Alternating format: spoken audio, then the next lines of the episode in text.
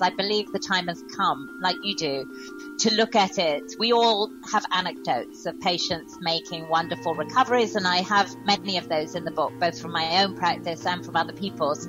But I wanted to ask why. And so that's why I wrote it.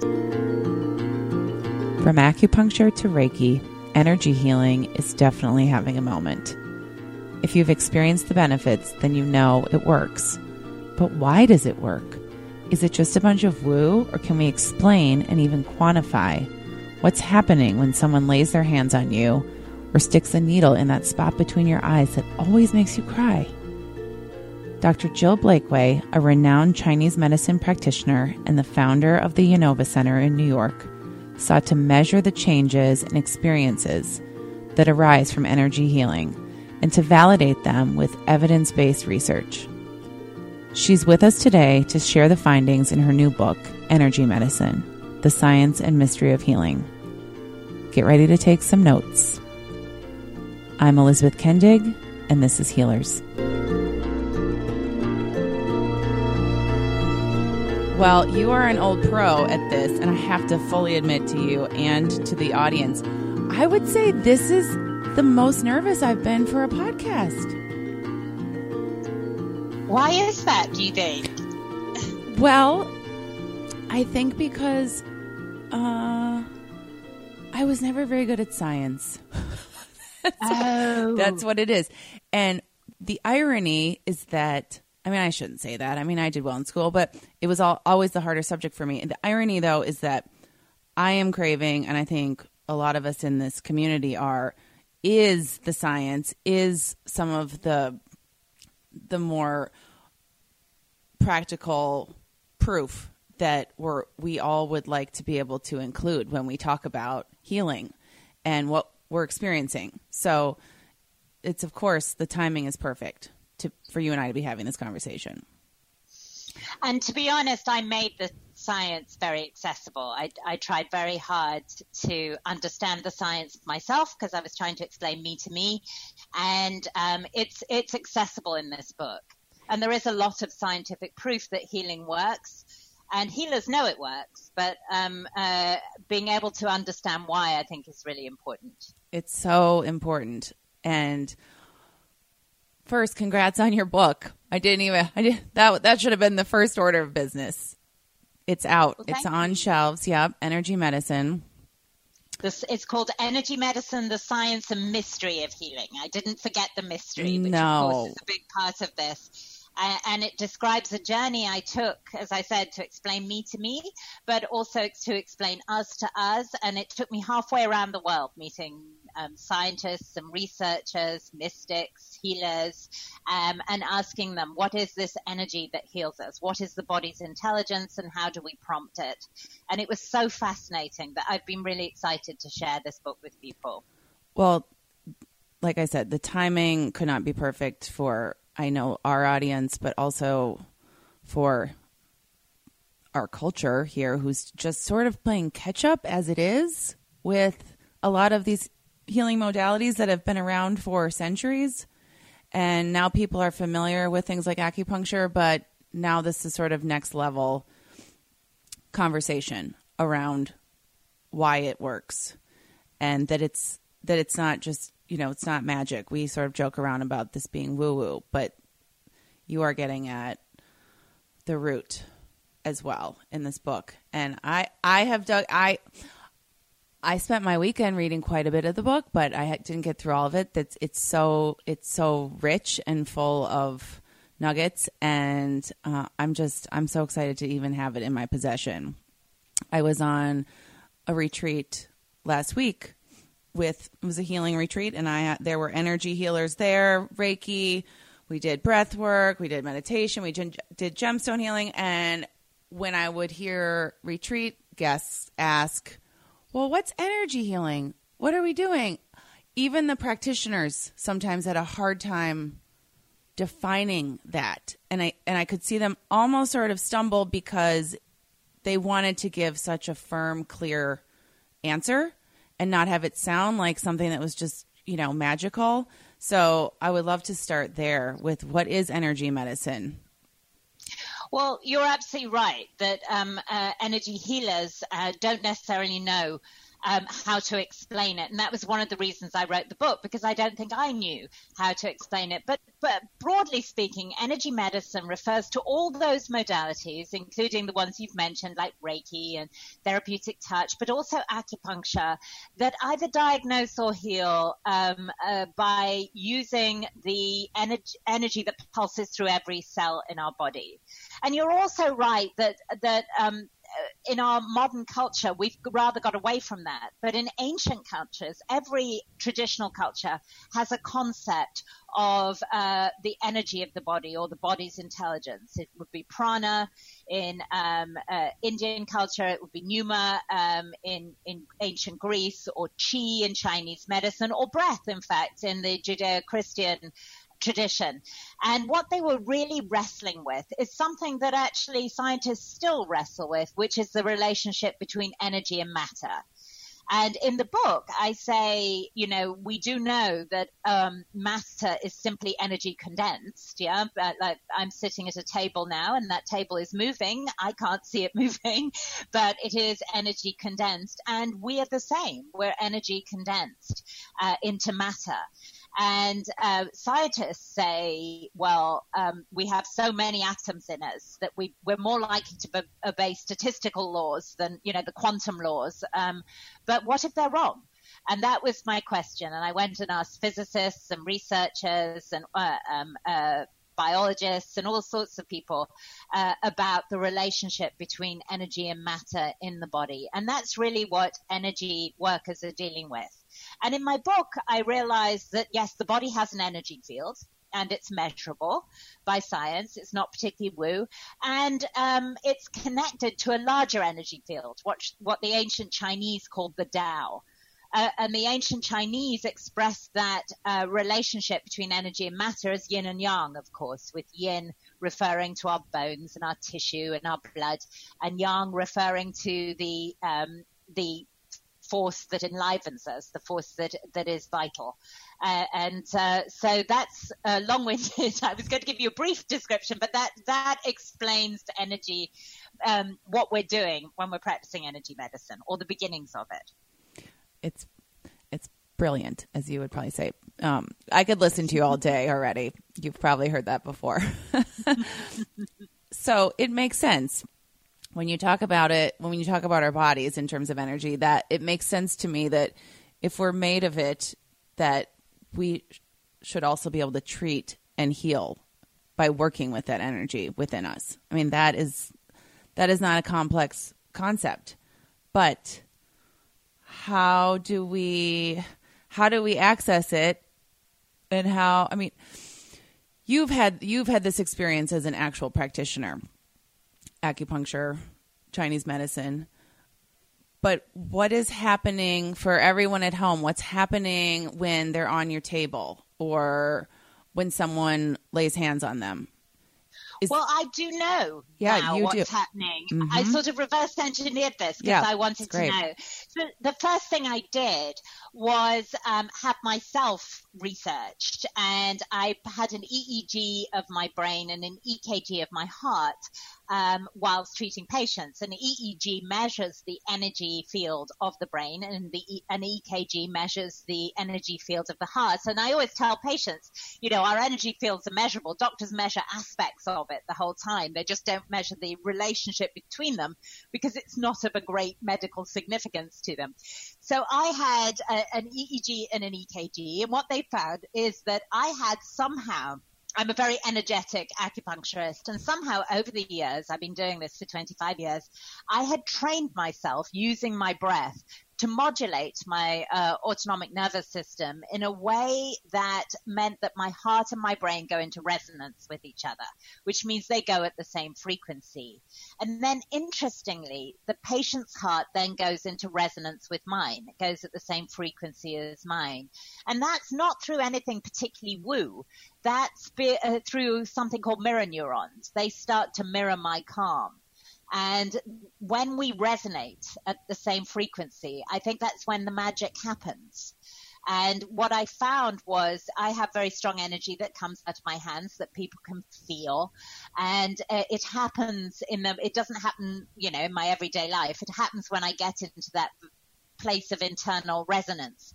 But I look for research, and there's plenty of research that shows that the energy that comes out of practitioners' hands is measurable.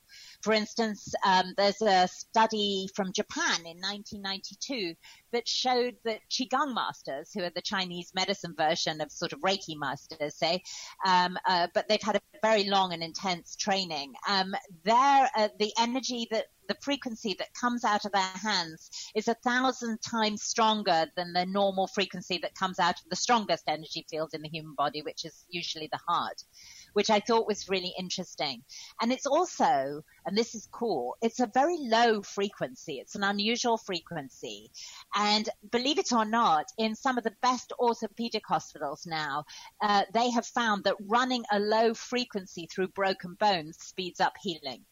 So the same frequency that's emitted by people like us um, is also used in a different form in, in orthopedic hospitals. That, that um, research came out of Columbia University, and hundreds and thousands of patients with broken bones have now been treated with, with low frequency electricity. And it would appear that we do this quite naturally, and we're emitting the same frequency that has been found to, sh- to heal soft tissue and bone which I think is kind of cool, don't you? Oh, it's so cool. I I highlighted I highlighted a lot of the of the research examples that you gave in the book so that I can reference them at you know dinner parties too because they're incredible.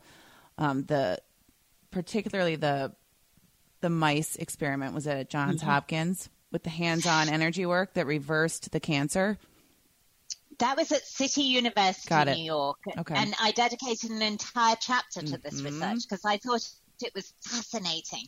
A man called Dr. William Bengtson. Some of your listeners will have heard of him because he he uh, published a book called The Energy Cure many years ago. But he has an extraordinary story. He's a pure researcher, Bill, and, and a lovely man. And he learned an energy healing technique from a psychic healer and decided to take it into the lab. And what they did was they took mice that are specially bred to have cancer, poor old mice, I think, um, but that's how pharmaceuticals get tested, uh, cancer drugs get tested. And they gave them mammary cancer. And those mice always invariably die on day 27. So if you can keep them alive any longer, then, you know, if you're producing a, a pharmaceutical, then you've got something that's really helpful. Well, Bill taught over the years his most skeptical students to do this. It didn't matter. They didn't have to be particularly talented. And invariably, uh, and I mean almost always, they r- reversed the cancer in the mice. And what's more, and this is really interesting, I think, when they re-injected the mice with cancer, they couldn't get it. They couldn't get cancer. They um, altered their immune systems forever which I thought was extraordinary. Um, and Bill has done this experiment over and over again. And what I like about it is that it's replicable. Good science should be replicable. There isn't a great deal of value. There's some, but there's not a great deal of value in testing a special someone you have somewhere that nobody else can see. What's really valuable is to find energy techniques that can be taught to anyone and can help everyone. And that's what interested me about Bill's work. And interestingly, since then, as I'm sure you read in the book, he went to Brown University and they took human cancer tissue and they put the energy, which is, they don't call it energy, they call it information because energy technically, scientifically dissipates over a distance and this doesn't. So they call it information, but it's information carried on a frequency. And they put it into cell medium in the lab in Brown and then they put human cancerous tissue, again, breast cancer into the cell medium. And Bill was at my book launch a couple of weeks ago, and he was telling us that so far they've noted 67 genetic changes in the breast cancer tissue. And, it, it, you know, uh, both the mice studies and this tumor study in the lab what I also like about it is it couldn't possibly be the placebo effect. I have a whole chapter on placebos in my book. I think they're very interesting. I'm interested in all the prompts that prompt people to heal. But a, a piece of tumor, a, a tumor tissue in a, a, test tube does not know that it's supposed to heal. And of course, the mice don't know that they're supposed to heal. So it sort of um, takes that variable out of the equation when doing the research.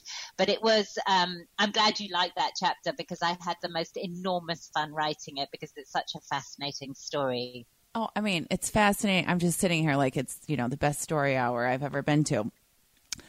How, I mean, what what does Bill say about implementing more energy work with cancer treatment in humans? Does he think that we should that they should be hand in hand, Western and energy work? Or I mean, I just I know people are going to ask, should I be doing the? I mean, and you and I aren't doctors, but how do we get this to be? How do we get this to be part of a treatment plan? Well, Bill does teach doctors to do this actually. Um. And I worked in a hospital in an oncology department for quite a while. And I think a lot of doctors are open to it. What they need is the science. Mm-hmm. They need, you know, um, uh, they need to understand safety and efficacy. That's what doctors are interested in, quite rightly, for the, on behalf of their patients. They want to know that something's safe and that it's not giving people false hope uh, and that it's effective. Now, there is a bit of cognitive bias that goes on, uh, it, both in alternative medicine and conventional medicine. Uh, you know, um, uh, in conventional medicine, it's hard for uh, people edit out the, the bits that don't make sense to them. And that's true in everything. If you look at our current political discourse, people give more weight to the news that backs their political view um, and less weight to the news that doesn't. And it's sort of human nature. Um, but I have found doctors to be very open, and I wrote this book hoping to um, uh, make a persuasive case for energy medicine. And uh, HarperCollins asked me to write a book for skeptical people as well as the people who believe.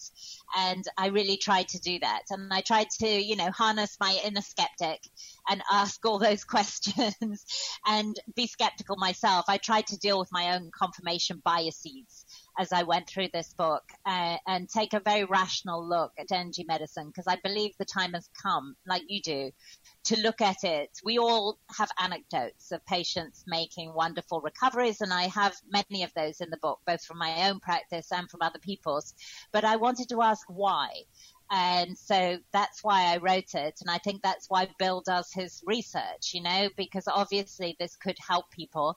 Um, in the book, you'll notice Bill doesn't often talk about treating uh, people because his um, he's a research scientist, but he can treat people and has done. And I interviewed um, some of those uh, and got their stories for the book. He was very generous about putting me in touch with those people. And he doesn't want to give people false hope either. He's a very pure scientist. He just wants to know what's going on here. Mm-hmm. You know, why does it make 67 changes in cancerous tissue in, in the lab? Why do all the mice heal? Uh, I mean, these are really important questions for science to ask, I think, and he's asking them. Yeah, they're incredibly important. I think we're, well, we're asking them too when I think our faith can be shaken sometimes. I hear that a lot from people. Oh, I really believed in this healing modality or this experience I have, and now I'm sort of wavering on it or it's not working you know, I got pregnant the first time with acupuncture and now I'm not. And, and there's sort of this, uh, I'm going to find this book or this quote from you. Here it is. This really, this really hit me. Um, as another reason why this book is so critical. You say healing isn't magic, but rather a complicated interplay between circumstance, skill, and the body's own energy field, or what the Chinese refer to as qi. Qi. That's how it's yeah. pronounced, right? Even when it's spelled QI, it's still. It's pronounced chi. The Japanese pronounce it ki though, ki. so you can okay. do either. Okay, I'll do I'll do both. I like both. But this is this is the thing. We need to know that it's not magic. We need to understand why it isn't, so that we can, so that we can work with it and we can have a certain amount of of understanding and belief in the process. I mean that creates. I mean, more possibility, I think. Well, I, I agree, and I, I, in the book I also say that um, recoveries we don't understand aren't necessarily miracles. They may just be recoveries we don't yet understand, and we should be trying to understand them. And I think the process of self healing um, is complex, and that's why I said uh, that it relies on circumstance as well as skill and the body's own energy field, because um, uh, you know the the it this isn't magic and it doesn't solve everything. and nor should it in some ways. We do all die of something. You know, we don't understand why one flower in a vase dies before another, but there is a bigger pattern uh, in the book. Uh, when we, people read it, they'll see I was a hospice practitioner, which made me very philosophical um, about life and death and taught me a great deal. So some things are outside of our control, and I usually say on a good day people get a healing, mm-hmm. but I, you know, it's not it's not controlled by my ego and my wish to do well. But I will say this to healers: one of the things that I realized um, as you know in my journey as an energy worker as well as an acupuncturist is that this energy got stronger when I detached my ego from it. So if I reduced it, if I said, please make this patient better, if I made it about me and my wish to either be a good healer or my compassionate, big hearted wish for the patient to heal, I could feel the energy getting less strong. And interestingly, Bill, when he teaches the students to do the technique, he very generously gave the technique for me and I put it in the book so people can practice it.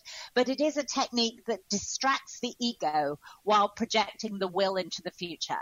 Um, and um, so sometimes as healers, if we start to go through a rough patch, and we've all been there actually, uh, I've been there as an acupuncturist. Um, it's sometimes because we've been through a really good patch where we've been doing really good work, and our egos get a little overcharged, and then um, uh, we start to think it's us and that we're healing people and uh, you know we start to do all those kinds of things and the energy dissipates is what i've found. Uh, and that isn't again uh, i mean there's some spiritual lessons to be learned there and some psychological lessons but it's not necessarily particularly woo. Uh, uh, in so much as Bill found that the ideal conditions for transmitting healing information so that a patient can take it, and I do think the patient takes it rather than we give it to them, um, is, uh, is a sort of absence of ego. And his, his technique is a way of distracting the ego. I've learned to distract myself in different ways. I look out of the window or I chat to the patient, or, but I don't um, uh, use my will uh, although I have a broad intention for the patient to heal and for connection, I don't, I don't will it. And that would be my advice to my fellow healers is that if you feel like it's dissipating, have a look at where your ego has got attached to results, even where your ego isn't trying to become a, a special person or a special healer, but just um, trying to control it because you have a big heart and you want to help the patients even um, uh, because that is often when it dissipates. That's so good. I, I just what popped up for me was on the spiritual side was that the healer needs to surrender to this process just like the receiver does. That we're trying to sort of control the outcome so much, especially in moments of, of wanting it so badly, wanting to fix something or cure something. I think so. I and, think that that is often a problem. Yeah, and even even though it's it's not necessarily oh I want to be you know I want to be a superstar healer and be famous. It's really just this deep desire to to do as much good as possible. But does that sort of that ego and the and the emotion behind it does that affect the energy frequency? Is that what happens? That sort of yes, it, versus it, keep it, maintaining that low vibration that you were talking about earlier yes it, would appear that it does mm-hmm. that that um, when we, and it may be as simple as I, I, interviewed Neale Donald Walsch in chapter two of the book about God for a chapter called What's God Got to Do with It? And he was my mentor many years ago and a, a lovely man. He wrote a book called Conversations with God, which if you haven't read it, is so worth reading. I've heard and that. he talked, yeah, it's such a good book. And he talks about, um, you know, when we want something, we're putting want out into the universe, you know, and what we put out into the universe, um, uh, the, the universe then lines up to give us in some ways. Uh, and so if we're putting want and need out, what we get back is want and need. and he, he talks in, you'll, you'll read in chapter two, your listeners will read when, if they read this book, he talks about being grateful in advance for the outcome of things, um, which I think is really helpful, uh, rather than, um, uh, setting up a state of want. Yes, for sure. And and I've heard that too with any sort of manifestation technique or you know, law of attraction that you just need to you just need to feel grateful now, like it's already here, and then let it go. Easier said than done. Right? Yes. Yeah. Okay, I want to walk this conversation back a little bit. Um, what has happened to the energy in our bodies when we are sick? Are we is our energy are we lacking? Has has the vibration shifted? We're out of balance somehow, right? I'm just trying to really oversimplify if that's even possible. What well, yes, this, I, I, uh, you know, what this what it is that transpires. I think it's entirely possible to talk about it actually. And I think we have to remember that we're matter and, uh, and energy. So sometimes what's happening in our body is very material and mechanical. Like mechanically we have, you know, malfunctioned kind of thing. Mm-hmm. And, um, but, but it often has an energetic root or it has a mechanical root. Uh, uh, it's rooted in matter and has an energetic effect. Um, it, it, can be one or the other. And it, the ancient Chinese had a very good explanation for this, which I think is still, you know, really worthwhile, which is that um, uh, Eh, when energy stops flowing, we become stagnant, and stagnation causes pain and inflammation and dysfunction. And it, again, in the God chapter of this book, I talked to a woman called Kiran Trace, and Kiran's fascinating because she her brain kind of malfunctioned. She she had a spiritual awakening that happened all at once. She woke up and could see the space between things. She saw all the atoms moving. And to be honest, it was an enormous crisis in her life because, uh, to start with, because she couldn't get in an elevator or drive a car because everything was moving.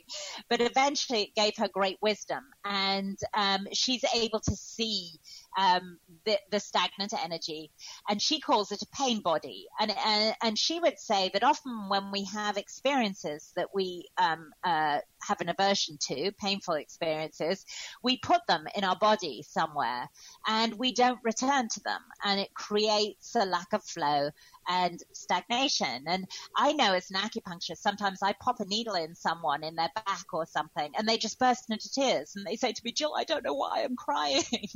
and it's because, as you know, memory is cellular and um, there's research that actually shows that and I put it in the book. But, um, uh, you know, I've, I've just put a needle in somewhere where there is memory stored as a pain body and that is why they're crying. Right. Uh, you so, put it, you uh, put it into some breakup. some, yes, right. Have, yeah. or some childhood experience yeah. or something like that. And um, we need, you know, and one of the things that Karen said to me, which I thought was really interesting, is you can't move uh, a pain body or stagnant energy in Chinese medicine um, with um, uh, force. You have to move it with love. And she gave me a technique for that, which I put in the book, which was about taking an experience where I'd feel, felt warmth and loved and then putting that experience into areas of stagnation in my body and allowing it to just slowly dissolve the tightness. And I do that with my patients now uh, while I'm doing acupuncture. If you ask people where they store negative energy, it's amazing. They can usually tell you. Um, I store it in my solar plexus. And if uh, a lot of women store it in their pelvic area and end up with fibroids and things like that. And um, we, we do that practice, the patients and I, uh, fairly regularly. And I find it really helpful. But you can't move stuck, stuck energy with force, which I think is really interesting. It's yeah, it's it's so true. Though we try to. Yeah, we do all we the time. yeah.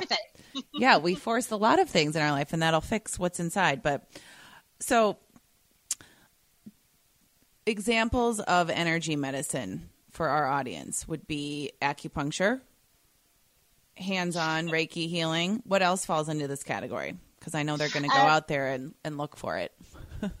Yes, I mean, uh, therapeutic touch. There are lots of versions of hands on or even hands off mm-hmm. healing. And mm-hmm. in the book, when you get a bit further into the book, you'll see I go to Japan.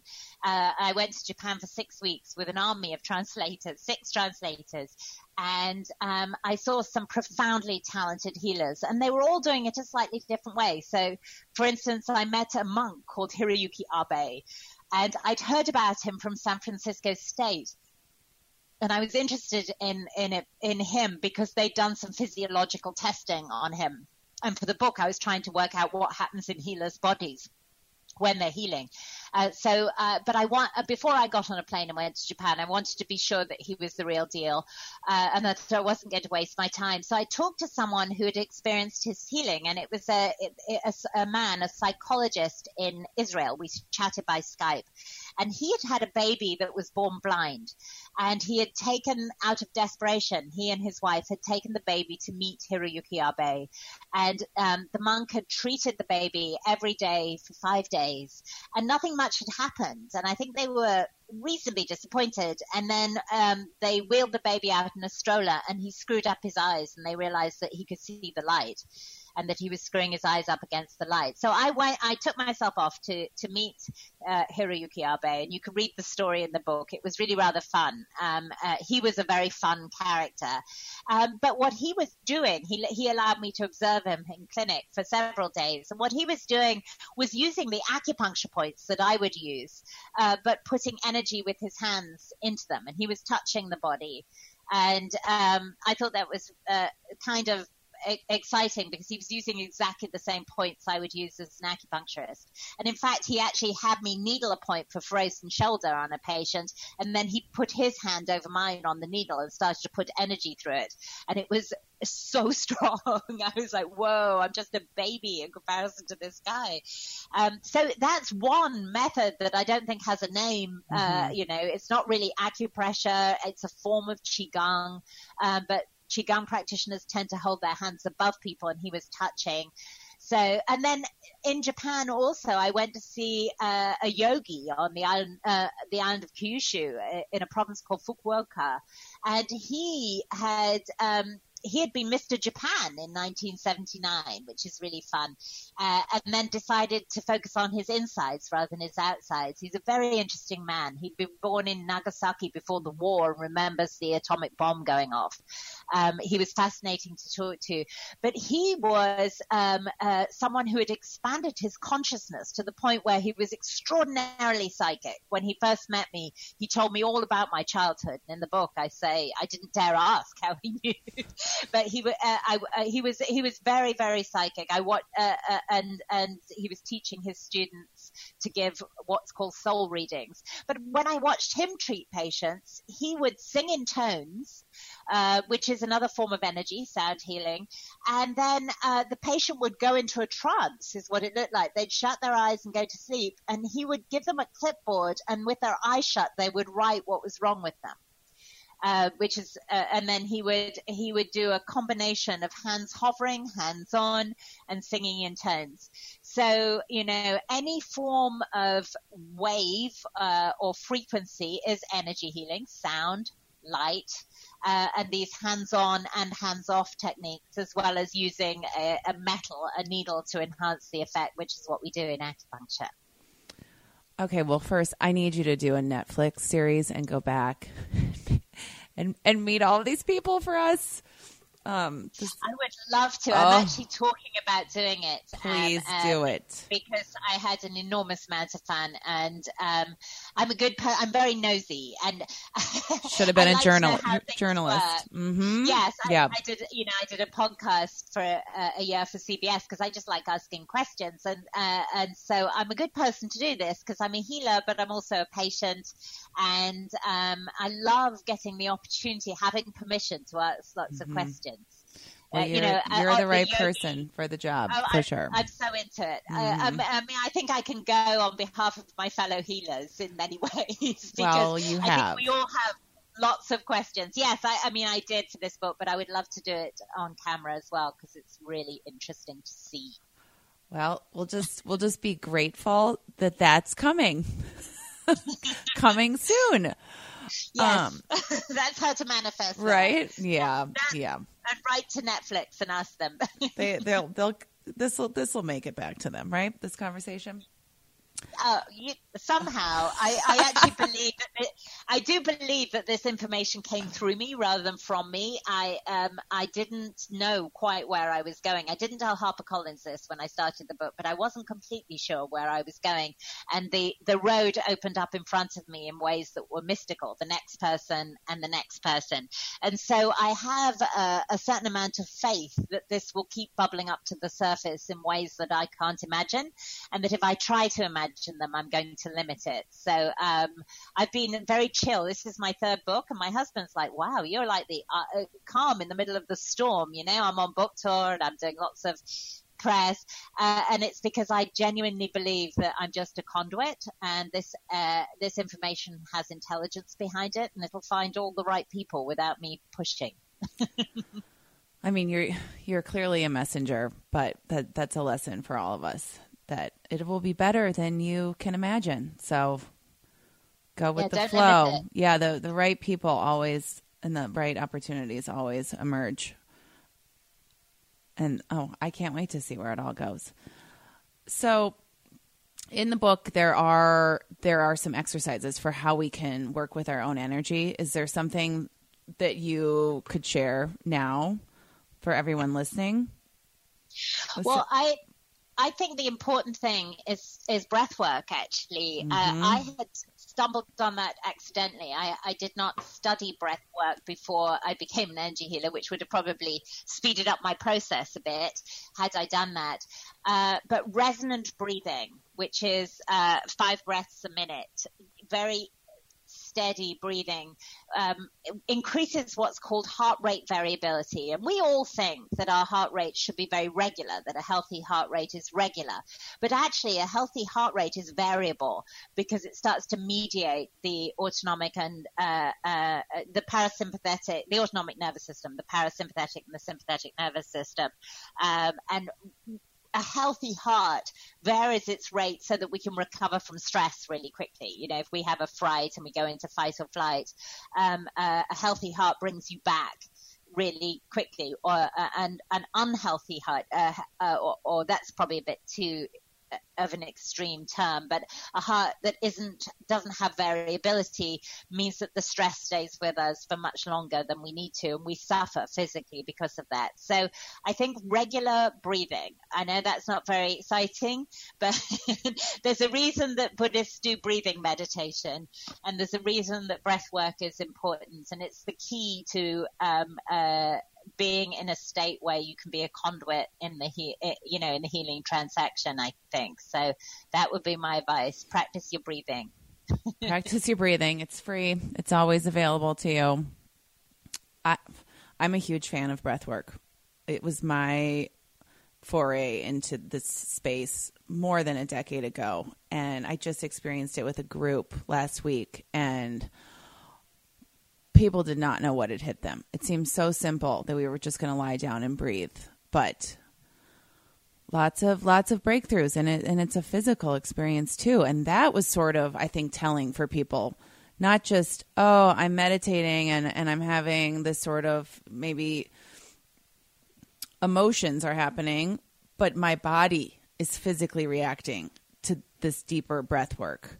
So there's the energy getting unstuck and moving. And it's, yeah. Yeah. Yeah. Well,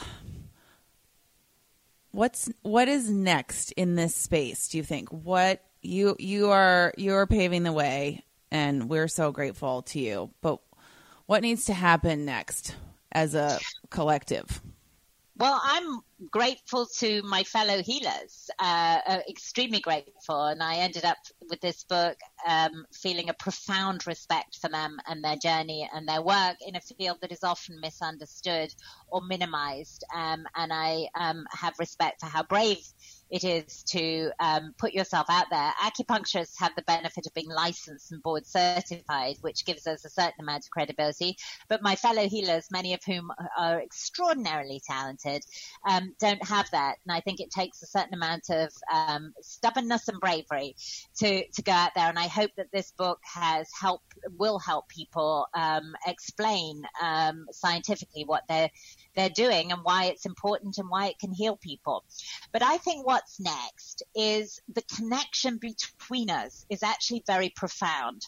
And um, I, I, in the book, you may remember in chapter two, I, I talk about some studies at Princeton University in the Department of Engineering. And in the Department of Engineering, a man called Dr. Robert Jahn, who has died since I started writing this book, but who I did meet. Um, he was very elderly when I met him. He had a grad student who wanted to see if she could create a machine that could be moved with the human mind. And I don't think Dr. Jahn thought for a minute that she could pull this off, but he thought it was a good project for a, an engineering grad student to try. And of course she did. And in the book, I tell that story and they created these machines called random event generators that uh, spit out random numbers and become less random when we focus on them, particularly if we focus in groups and particularly if we feel a strong emotion. So to give you an example, they've been doing this for a long time at Princeton. Um, uh, it, on September the 11th, they had by this point random event generators at universities all over the world just spitting out numbers back to Princeton. And four hours before the planes hit the Twin Towers, they all started to come into uh, um, uh, sequence. They started to become um, less random in a way that is statistically uh, impossible. And that went on for the entire day, uh, partly as a collective premonition and partly because time is linear. It started before uh, the um, planes hit the Twin Towers, and then we were connected with our shared shock and compassion. And they've taken these random event generators everywhere. They've taken them little portable ones to yoga retreats and churches and the Trump inauguration and all sorts of things. And what they found is that when we feel deeply compassionate, we connect in a way that changes the machine and therefore changes matter. Yeah. Uh, but also when we feel fear, uh, and sadly, and uh, as you know, fear contracts and love expands, and we're seeing a lot of fear in the world.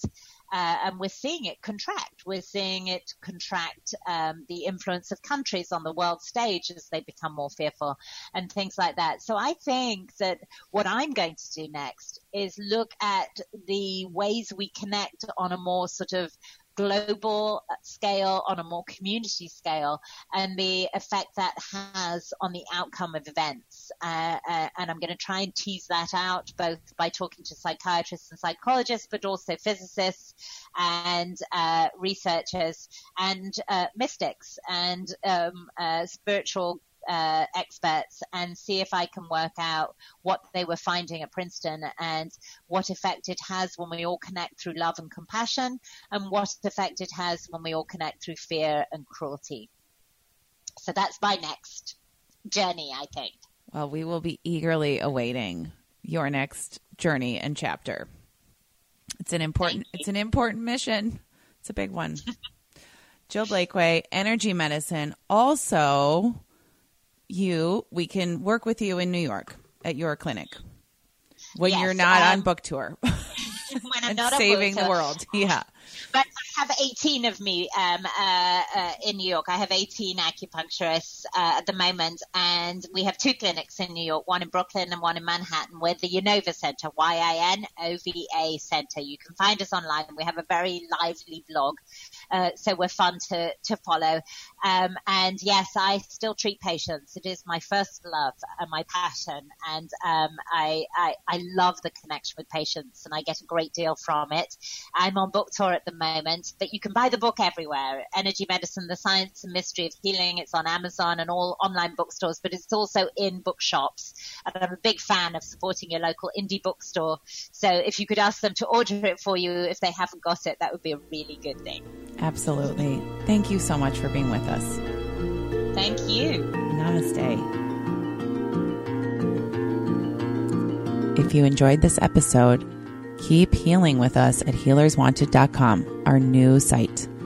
There's so much happening there more wisdom and woo woo content, a directory of trusted healers that we love, and a virtual community where you can work with featured practitioners every month from the comfort of your couch and your pajamas.